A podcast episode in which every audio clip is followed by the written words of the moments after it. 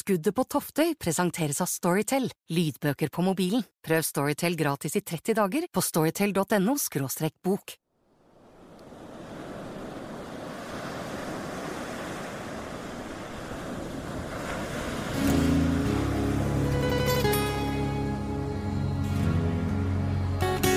Den 2. juli 2013. Fra en bukt på Tjøme er båten Toftøy på vei innover Oslofjorden. Om bord er fire personer og en hund. Under dekk ligger narkotika, dynamitt og en avsagd hagle. Det skal bli Toftøys siste tur. Så for meg at det kom til å bli ja, en virkelig hyggelig tur. Men da tok jeg jo skammelig feil, da, for å si det sånn. Vi skulle jo bare over en liten fjord allikevel. Hørtes ikke så veldig farlig ut akkurat. Ja, bom! Du har skutt kameraten min, jævel. Der ligger han helt grå i trynet. og Ingenting igjen av foten hans, bare beina står ut av alle kantene og Det eneste han kviskrer, det er au. Det var det siste jeg husker. Jeg seila frem og tilbake fordi det var dårlig sjø. I mitt blod. Jeg må jo få lov å si at dette er en veldig, veldig spesiell sak. Det kan minne meg litt om den der spillefilmen eh, 'Slipp Jimmy fri', for å være helt ærlig.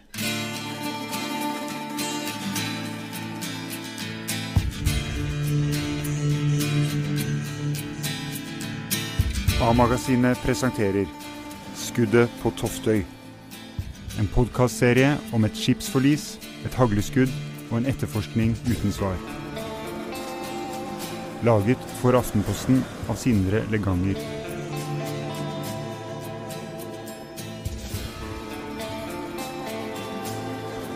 Tredje episode Kapteinen.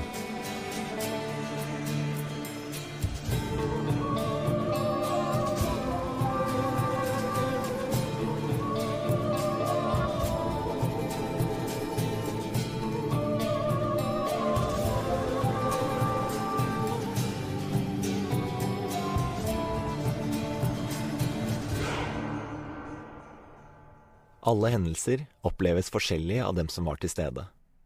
De ulike versjonene stemmer ikke alltid overens med hverandre, og når det er snakk om noe kriminelt, blir politiets oppgave å finne ut hva som er sannheten. Hvis det ikke finnes bevis, er de avhengig av det vitnene forteller, og vitnene kan både huske feil eller lyve. Denne serien handler om det som skjedde om bord på lastebåten Toftøy den 2. juli 2013. Noen timer inn i seilasen fra Tønsberg til Oslo ble en mann om bord skutt med hagle. Hvis du ikke har hørt de to første episodene, anbefaler jeg at du går tilbake og hører dem først.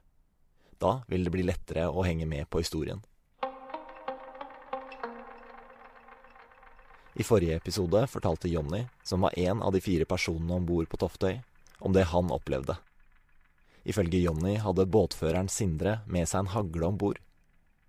Underveis på turen, mens Jonny mener han står alene i maskinrommet, avfyres denne hagla. Jonny løper opp i styrhuset og ser Sindre ligge på gulvet, skutt i beinet.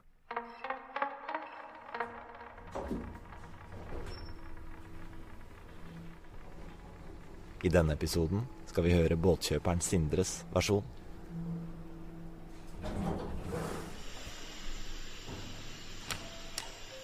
Sindre Jarl Elder er oppvokst i Bergen og Trondheim, men bor på Romsås i Oslo sammen med hunden sin Loke. Halla. Hei, Loke. Hei. Hvordan går det? Sindre er 43 år gammel. Han er høy, rundt 1,90, har kortklipt hår og lyseblå øyne. Veggene i leiligheten hans er fulle av malerier og tegninger. Ja, gjerne. Sindre sitter i sofaen, og jeg setter meg ned ved siden av for å stille inn mikrofonen. Hvis du teller til fem og sier Peppers Pizza En, to, tre, fire, fem Peppers Pizza. Loke, gå og legg deg. Loke legger seg for å sove på gulvet ved siden av sofaen. Vil du snakke trøndersk, eller vil du snakke på østlandsk?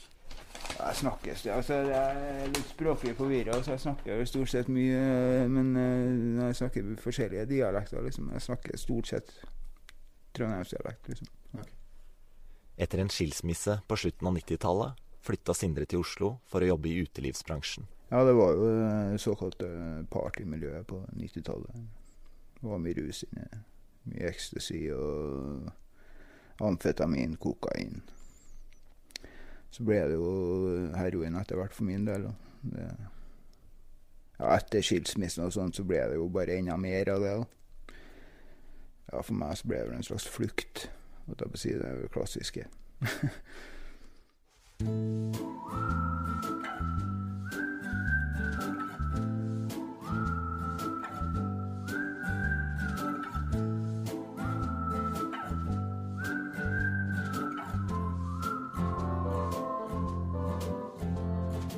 Sommeren 2013 avtaler Sindre å kjøpe den gamle lastebåten Toftøy for 4000 kroner og en sykkel. Planen er å seile den til Oslo og flytte inn i båten. Og så hadde jeg tenkt å bruke den som arbeidsplass. Jeg holdt jo på å male en del, og sånn. Jeg tenkte jeg skulle bruke den som uh, galleri. Båten er stor, så Sindre trenger et mannskap. Han ringer noen folk han kjenner. Ja, og så var det da ei venninne av meg og så var det to uh, som jeg anså som kamerater av meg, men som tydeligvis ikke hadde samme synet på meg. Den tidligere fiskeren Jonny og muskelbunten Jon Gunnar fra Stryn kommer til Oslo for å hjelpe til. Det er jo to stykker som har erfaring med å være på sjøen, begge to. Jonny har vært eh, på fiskebåt i flere år. Og Jon Gunnar har jo òg vært i marinen. Det var jo en grunn til at jeg ba dem om å bli med på dette. Det var jo fordi jeg visste begge to hadde erfaring fra sjøen. På morgenen den 2. juli 2013 er de klare til å ta toget til Tønsberg. Jeg tar med meg stort sett det som er viktig for meg, eller liksom klær og sånne ting. Så tar jeg med meg et haglgevær. Planen min er jo da at jeg skal flytte om bord i denne båten her, og jeg har på et tidligere tidspunkt blitt trua av en fyr så eh, det, det, er egentlig grunnen til at jeg har det haglgeværet her i hele tatt. Jeg vil ikke plutselig få sparka inn døra av en fyr som skal ta meg, og sitte der uten å ha noe å forsvare meg med. Er det liksom i en sånn tomt med rusmiljø, er det helt vanlig at man har våpen? At man har en avsagt hagle liggende, liksom? Er det ja, det er relativt vanlig med våpen. og Det er, det er ikke første gangen jeg ser våpen i miljøet. Jeg tror jeg har blitt trua med pistol i hvert fall to-tre ganger. Hagla er rundt en halv meter lang og svart. Ja, det var ei avsagd eh, toløyper som var kappa i både løpet og, og kolben. Den tidligere fiskeren Jonny har også med seg en sekk. Den er full av dynamitt. Altså, Det som ble sagt, var at vi skulle bare leke oss med den. Skulle liksom fiske med eller ja, skal ha litt artig med dynamitten. det er litt sånn guttegreier. kanskje. Vi har litt sans for det som sier pang.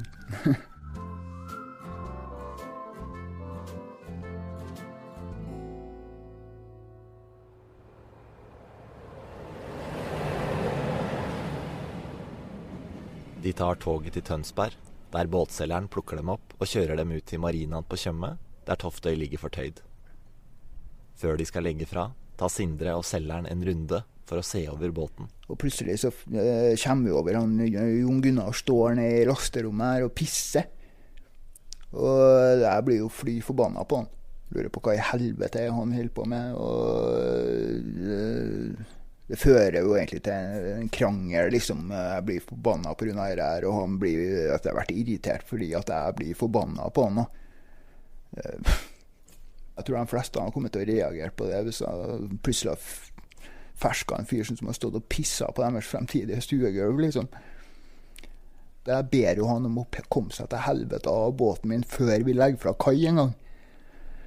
Men han bare surmuler seg med allikevel. Og jeg burde kanskje ha sagt noe på det da. Bare nekta han å være med. Sånt.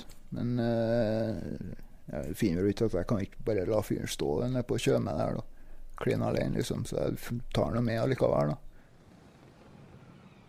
De legger ifra brygga. Ifølge Sindre er det den tidligere fiskeren Jonny som tar over roret. Og så styrer han rett mot et jævla skjær. Og liksom Jonny, faen, du må legge over. eh, Du ser jo dette her går jo ikke bra. Sant? Og driver han og fikler med noe eh, og skal drive og kjøre eh, propellene. For propellene på denne båten her gikk det òg an å styre, da. Men du styrer ikke en båt med å kjøre styrer med propellene, du styrer den med å styre med roret. Så. så til slutt så tar jeg bare og dytter en Johnny vekk. Så hiver jeg over roret, så vi får komme oss unna skjæret her, og ender opp med at eh, båten så vidt går på skjæret her.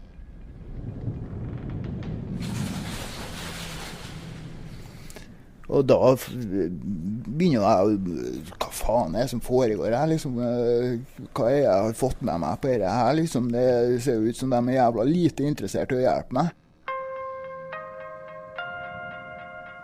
Den ene står og pisser på, på mitt framtidige stuegulv. Den ene holder på å kjøre hele jævla kalaset på et kjær. Så jeg finner jo ut at nei, glem det. Dere, er dette går ikke. Sånn, her må jeg heller ta styringa sjøl.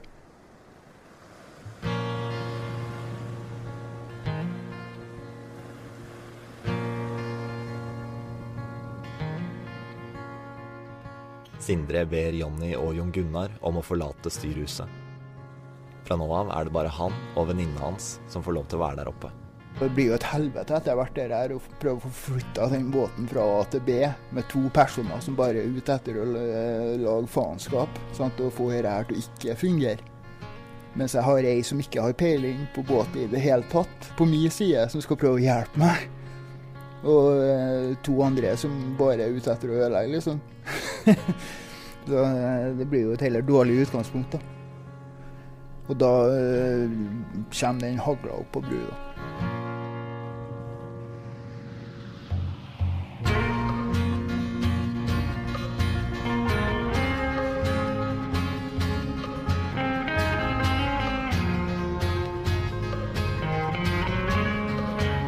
Hør hva som skjer etter pausen.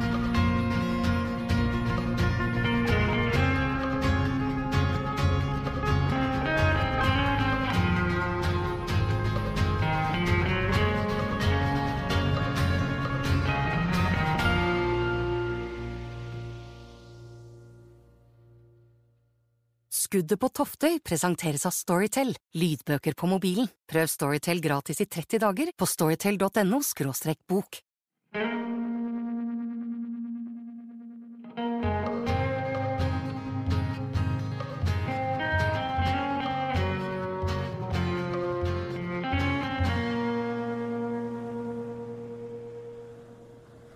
Den 2. juli 2013 er lastebåten Toftøy på vei fra Tjøme mot Oslo.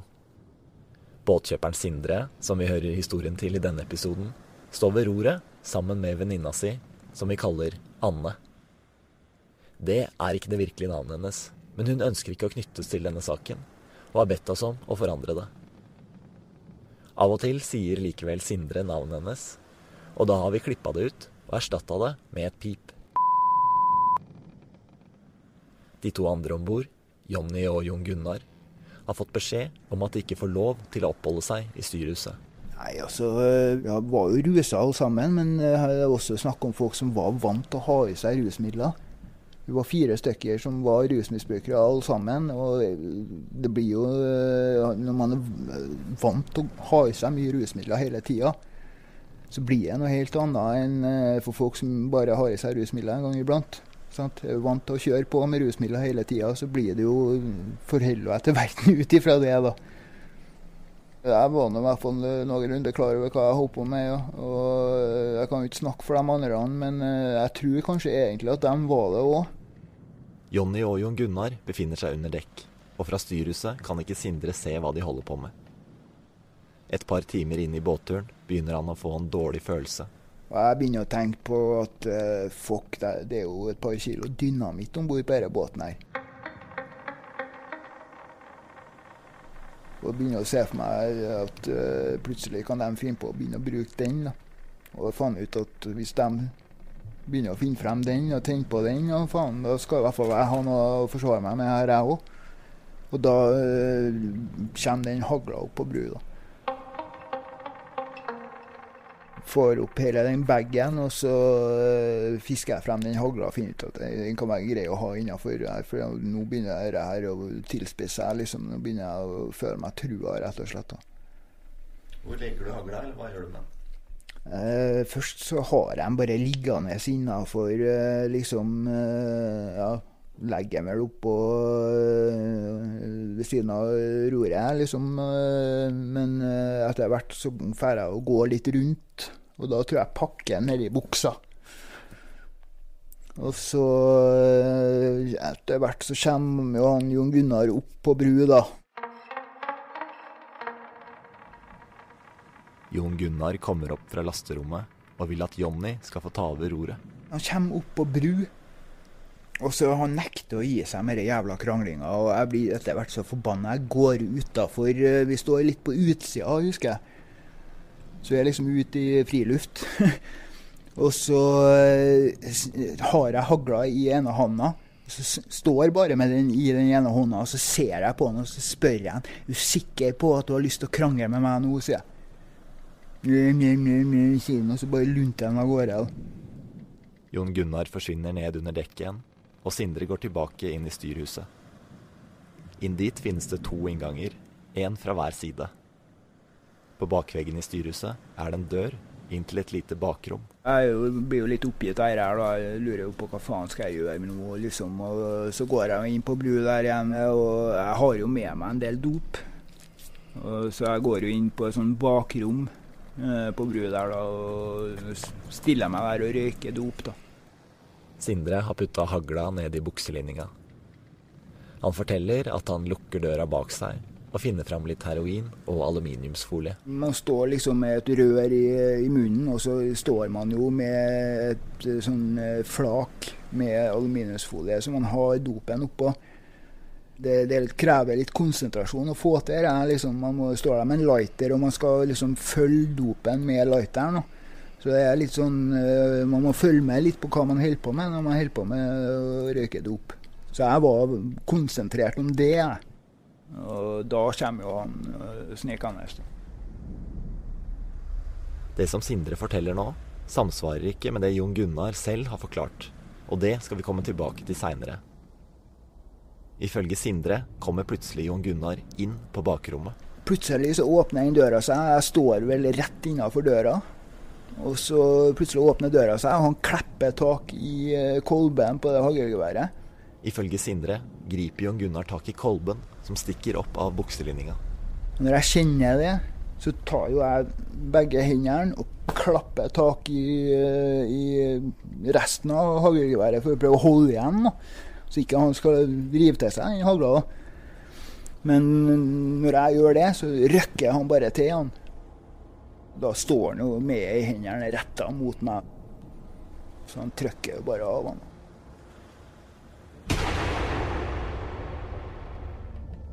Skuddet treffer Sindre bak på den venstre leggen. Eh, Det som da skjer, er at eh, da kommer vel da og åpner den døra. Jeg må eh, ha stått og lent meg mot den døra, for når det kommer og åpner den døra, så bekker bare over. Da har ikke jeg lenger noe bein å stå på. Og da bare bang, går jeg rett i gulvet.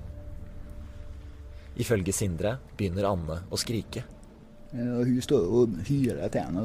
«Eh, 'Helvete, har skutt kameraten min.' Hun klipper jo tak i hagla. Og de begynner mer eller mindre å ha en kamp om det haglgeværet. Han røsker vel det til seg, så kaster han det bare over bord. Mens de krangler, blir Sindre liggende på gulvet i styrhuset. Utafor blåser det kraftig vind, og bølgene vokser. Og jeg ligger der og blø- blør, da. Etter hvert så finner jeg ut at nei, jeg må begynne å skje noe. Så jeg roper ut og 'hold kjeft', og så gir jeg dem beskjed om hva de må gjøre. da. For at det det skal komme noe vei mer. her, Liksom, det nytter ikke at de bare står og krangler med hverandre. Liksom, da kommer det til å gå til helvete, og vi dør alle mann. Hvordan, hvordan føler du deg på det tidspunktet her? Altså, jeg konsentrerer meg om å holde fokus på andre ting. Jeg skjønner at hvis jeg begynner å konsentrere meg om det beinet her, så eh, da er løpet kjørt. Da kommer jeg til å gå i sjokk og svime av. Så da, da er jeg ferdig. Jon Gunnar har tidligere vært i marinen, og han løper under dekk for å finne noe å bruke som bandasje. Han kommer opp med noen filler han vil bruke som turniké. Slår en turniké, så skal du jo da legge en sløyfe rundt, og så skal du stramme til, og så skal du slå en knute. Det han gjør, er at han legger en sløyfe rundt, strammer til, men han slår ikke noen knute. Så det som da skjer, er at det kjennes ut som det strammes til. Så jeg tror at det da er slått en turnike. Uh, og det tror jo sikkert de andre som er der òg, hvis de vet hva det er som skal skje i det hele tatt. Men i og med at både meg og Gunnar har vært i militæret, så vet vi det her sånn at vi har fått opplæring i det. Så uh, Hvorfor faen gjorde han det, liksom? Det kan jo hende han bare glemte det, eller ikke Ikke faen, altså. Ikke faen. Det var gjort med overlegg, altså.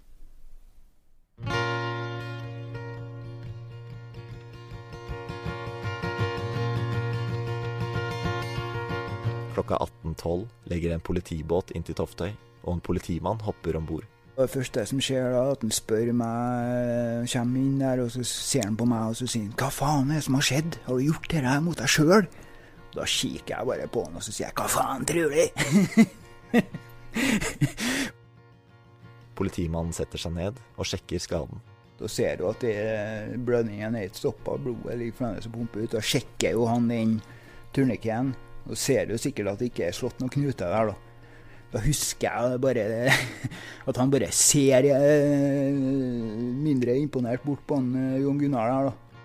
Politimannen tilkaller helikopteret, og noen minutter seinere blir Sindre heist opp og flydd til Ullevål. Det var gått én time og tre kvarter. Jeg kom jo inn på Ullevål klinisk død og tom for blod. Så Hvordan de da klarte å få liv i meg igjen, det ser jeg på som et medisinsk mirakel. Jeg skjønner ikke at de har fått til det engang. Altså. Sindre blir lagt i kunstig koma.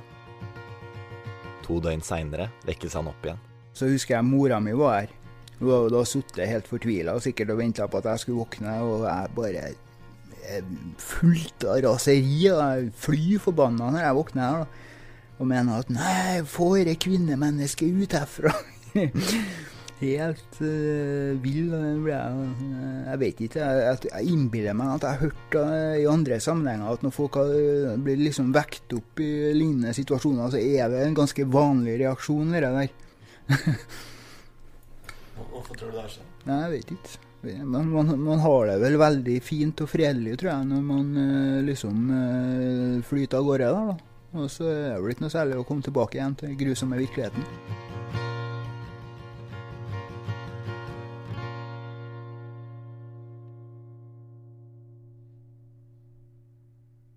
Den 18. juli 2013, altså 16 dager etter båtturen, blir Sindre avhørt mens han er innlagt på rehabiliteringsavdelinga på Aker sykehus. Han forteller at han ikke husker noe fra hendelsen. På spørsmål om han kan ha skutt seg selv, svarer Sindre det kan ha skjedd. Ja, fornærmede um, er jo for det første skadd, og da skal man vektlegge at uh, man snakker i og for seg da kanskje uh, både i sjokk og i andre ting. Men fornærmede er i hvert fall ikke helt uh, fjern for at dette kan være noe man kan ha gjort selv. Ole Bjørn Sakrisvold er påtaleleder i Tønsberg-politiet, og hadde det øverste ansvaret for etterforskninga. Ifølge det første politiavhøret ønsker ikke Sindre at politiet skal ta ut tiltale mot noen, altså en såkalt påtalebegjæring. Det er ikke noe krav om påtalebegjæring, men det gir jo et signal fra vedkommende på hva man mener eller ikke mener. Ønsker man ikke påtalebegjæring, så kan det for det første være fordi man er ikke ønsker av, av uh, sosiale relasjoner. Men det kan også være fordi man faktisk er litt usikker sjøl på om det eh, man mener selv har skjedd, har skjedd. Så vi etterforsker jo uansett for å avklare det. Men, men, en del, man må jo legge sammen alle små puslebitene til sammen, og så må man da ta en vurdering. Er dette nok til å ta ut tiltale? Jeg bare tenker, Når man har en sånn sak som det her, hvor man har fire personer som gir fire forskjellige forklaringer, og forklaringene spriker, hvordan, hvordan skal man som politi forholde seg til det? Ja, Man må forholde seg til forklaringene, og så må man se om de forklaringene har vesentlige eh, mangler eh, som man kan motbevise gjennom tekniske bevis. Så blir de konfrontert med det. Eller om man har andre opplysninger som gjør at man kan si at den forklaringen du gir, er tull. I, det er ikke slik at uh, politiet alltid får uh, de sanne forklaringene fra alle mennesker vi snakker med. Men da er det opp til etterforskningen å klarlegge hva som er sant, og hva som ikke er sant. Og uansett hva de da sier, hvis vi kommer fram til uh, en, en, slutning som vi mener holder både for å ta et tiltale og føre bevis i retten, ja, da tar vi det. Uavhengig om forklaringene spriker. Hvis det er snakk om venner som har gjort et eller annet, så angir man ikke vennene sine. Man gjør jo ikke det. I hvert fall hvis det har vært snakk om et uhell. Ja, det var sikkert passelig dumt gjort av meg. fordi det har vist seg i ettertid at det ville kanskje ha gjort ting veldig mye enklere for meg om jeg bare hadde lagt ting på bordet.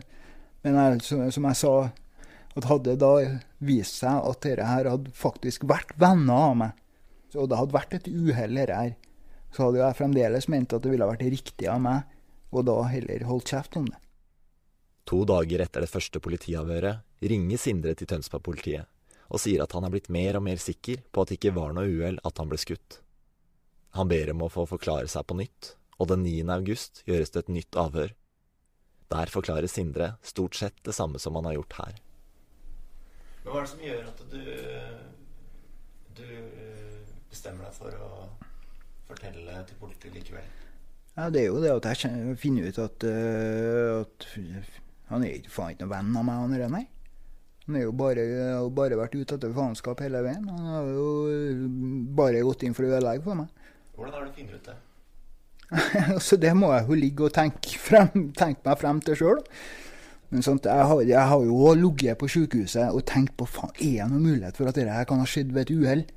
Så jeg har ligget og tenkt på hm, Kanskje det kan ha vært det. Kanskje det ikke var meningen. Kanskje han bare retta våpenet mot meg, og så sant? Men det er ikke det. Jeg har jo bare kommet frem til at ikke faen. Jeg så han jo i øynene når han trykka av.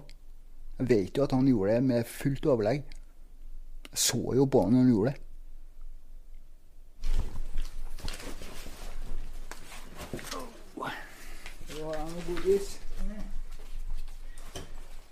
Mens vi snakker, har hunden til Sindre ligget rolig på gulvet ved siden av stuebordet og slappa av. Sindre reiser seg og går ut på kjøkkenet.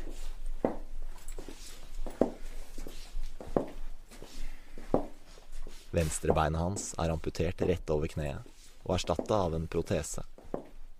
Vanligvis bruker han krykker, men hjemme i leiligheten klarer han seg uten.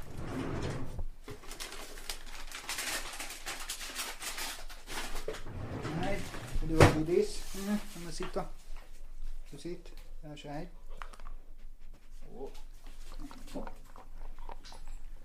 Han har vært veldig forståelsesfull, han oppi det hele. Altså. Han har drevet, jeg tror til og med han har drevet sympatihalta litt og sånn. Syns synd på meg når jeg drar og hinker, så jeg drar og hinker litt annet. er det sant? Jeg tror det. Og han har noen sånn skade i venstre beinet som han driver og og liksom Av og til så går han og halter litt, da. Jeg vet ikke om det er pga. at jeg halter litt, eller hva det er, men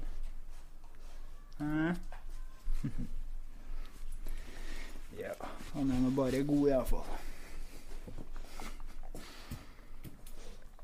Men, men det er noen ting som, som jeg ikke skjønner helt. Mm. Og det er at hvis Jo Gunnar ville drepe deg Mm. Hvorfor skjøt han deg i beinet? Ja, Det vet jeg ikke. Er sikkert han var ute etter å drepe meg. Kanskje han bare i utgangspunktet ville liksom skade meg massivt. Har ikke peiling.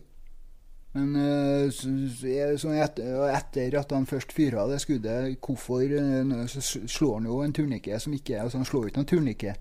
Han later jo bare som han gjør det. Det er jo også et drapsforsøk. Skulle, hvorfor skulle han i det hele tatt gidde å late som? Hvorfor skulle han ikke gjøre ingenting, liksom? Hvis du skjønner hva jeg mener? Nei, fordi at da hadde noen andre kommet og gjort det. Sant?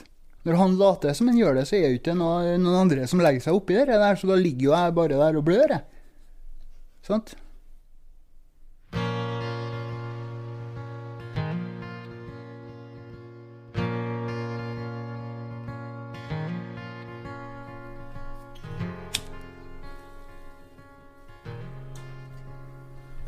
Hvorfor skulle Gunnar ønske å drepe deg? Nei, det har jeg jo stilt meg spørsmålstegn ved, jeg òg. I neste episode forteller Jon Gunnar sin versjon. Det er jo det som er historiens store aber her. Hvorfor er han Sindre så sikker på at jeg har skutt ham? Og sannheten er at jeg redda livet til den forbanna idioten.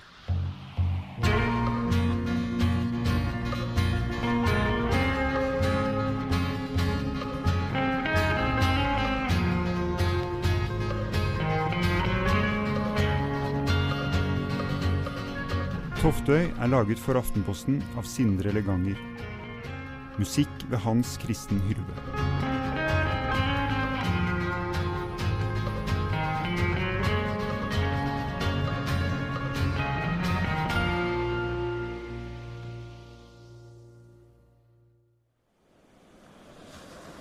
En ny episode av Skuddet på Toftøy kommer neste uke.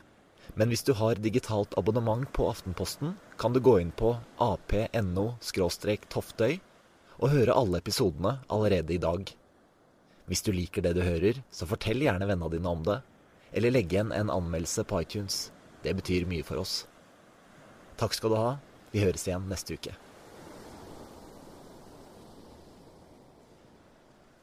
Lytt til flere spennende historier i Storytel. Med Storytel får du tilgang til tusenvis av lydbøker og e-bøker når du vil og hvor du vil.